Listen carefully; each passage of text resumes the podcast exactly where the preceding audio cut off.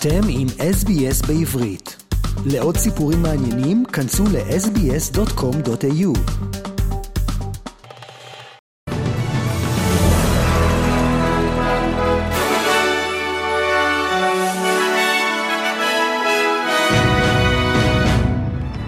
חדר החדשות של SBS והרי החדשות ליום ראשון, ה-28 לינואר.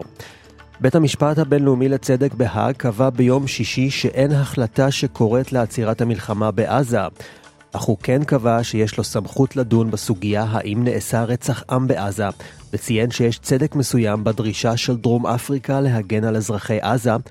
בית הדין הבינלאומי בהאג השית על ישראל ברוב גדול שישה צווים שקוראים לה בין היתר לאפשר את הגדלת הסיוע ההומניטרי לרצועה, למנוע הסתה לרצח עם ולהעניש את מי שקורא לבצע אותו. צו נוסף קובע שישראל תגיש לבית הדין בתוך חודש דוח מעקב על יישום הצווים. ראש הממשלה בנימין נתניהו מסר בתגובה להחלטה שישראל נלחמת מלחמה שאין צודקת ממנה, והיא תמשיך לעשות הכל בכדי להגן על האזרחים. אנחנו נמשיך לעשות הכל כדי להגן על עצמנו ועל אזרחינו, תוך שמירה על הדין הבינלאומי. כמו לכל מדינה, לישראל יש את הזכות הבסיסית להגנה עצמית. בית הדין בהאג דחה בצדק את הדרישה המקוממת לשלול מאיתנו זכות זו. אבל עצם הטענה שישראל מבצעת רצח עם בפלסטינים היא לא סתם שקרית, היא מקוממת, והנכונות של בית הדין בכלל לדון בזה, זה אות קלון שלא יימחה לדורות. ולסוכנות האו"ם לפליטים פלסטינים. מדינות נוספות הצטרפו ביום שבת לארצות הברית והודיעו על השעיית המימון הכספי לאונר"א, בעקבות החשד שעובדים בסוכנות לקחו חלק בטבח השביעי באוקטובר. ביום שישי הודיעה אונר"א כי היא פתחה בחקירה בחשד שכמה מעובדי הסוכנות היו מעורבים במתקפת הטרור נגד ישראל, ומסרה כי היא ניתקה את הקשר עם אותם עובדים. הנציב הכללי של אונר"א, פיליפ לזריני, מחה ביום שבת על החלטתן של כמה מדינות להפסיק את המימון לסוכנות האו"ם לפליטים פלסטינים. לזריני אמר שהפסקת המימון היא מזעזעת, והזהיר שהיא מאיימת על המשך הפעילות ההומניטרית באזור, במיוחד בעזה. ביממה האחרונה הצטרפו אל ארצות הברית עוד מדינות שמקפיאות את המימון, ובהן בריטניה, קנדה, איטליה, אוסטרליה, פינלנד, הולנד, גרמניה ושווייץ.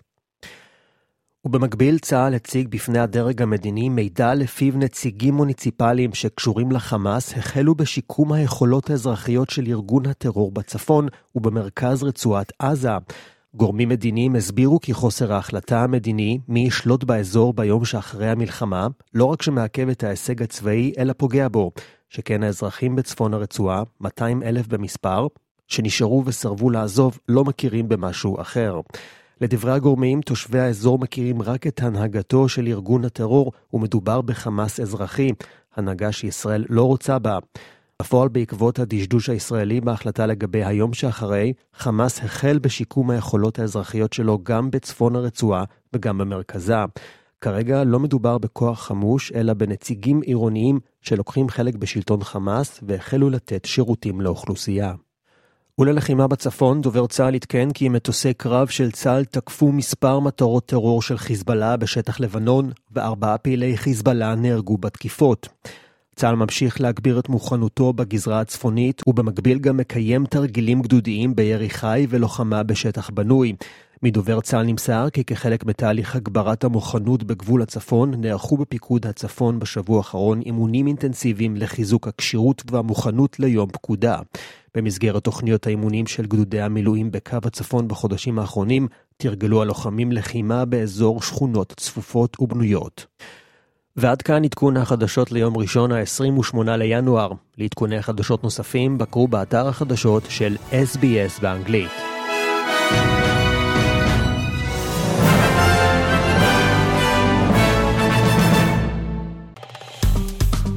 עקבו אחרינו והפיצו אותנו דרך דף הפייסבוק שלנו.